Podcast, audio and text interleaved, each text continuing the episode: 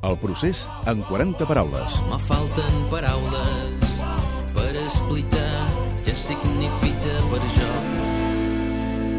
Pressing Cup. Pressing Cup va néixer com a etiqueta de Twitter poc després de les eleccions del 27S per definir una suposada campanya de pressió des dels mitjans de comunicació i des de les xarxes socials contra la CUP, perquè es desdiguessin del seu compromís electoral de no investir president Artur Mas. Junts pel Sí no va arribar a la majoria absoluta.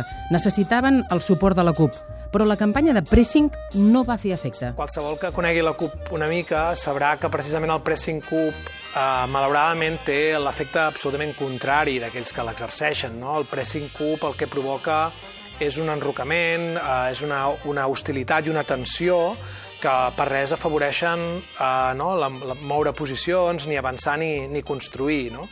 I per què es va triar la paraula pressing? Doncs només ho deu saber del cert el tuitaire que es va inventar l'expressió. Potser va agafar aquest anglicisme curt i de fàcil traducció com una adaptació d'un programa de Telecinco que va ser molt popular als anys 90, Pressing Catch. Era de lluita lliure professional, una disciplina de combat i arts escèniques. El cert és que a la CUP ho han viscut com un intent de Junts pel Sí de destruir-los. Y empieza el pressing CUP, ¿no? Nos han llevado a un terreno para destrozarnos que es distinto que gestionar o cabalgar en las contradicciones. Nos, nos han querido eliminar y todavía hay gente que trabaja para destrozarnos.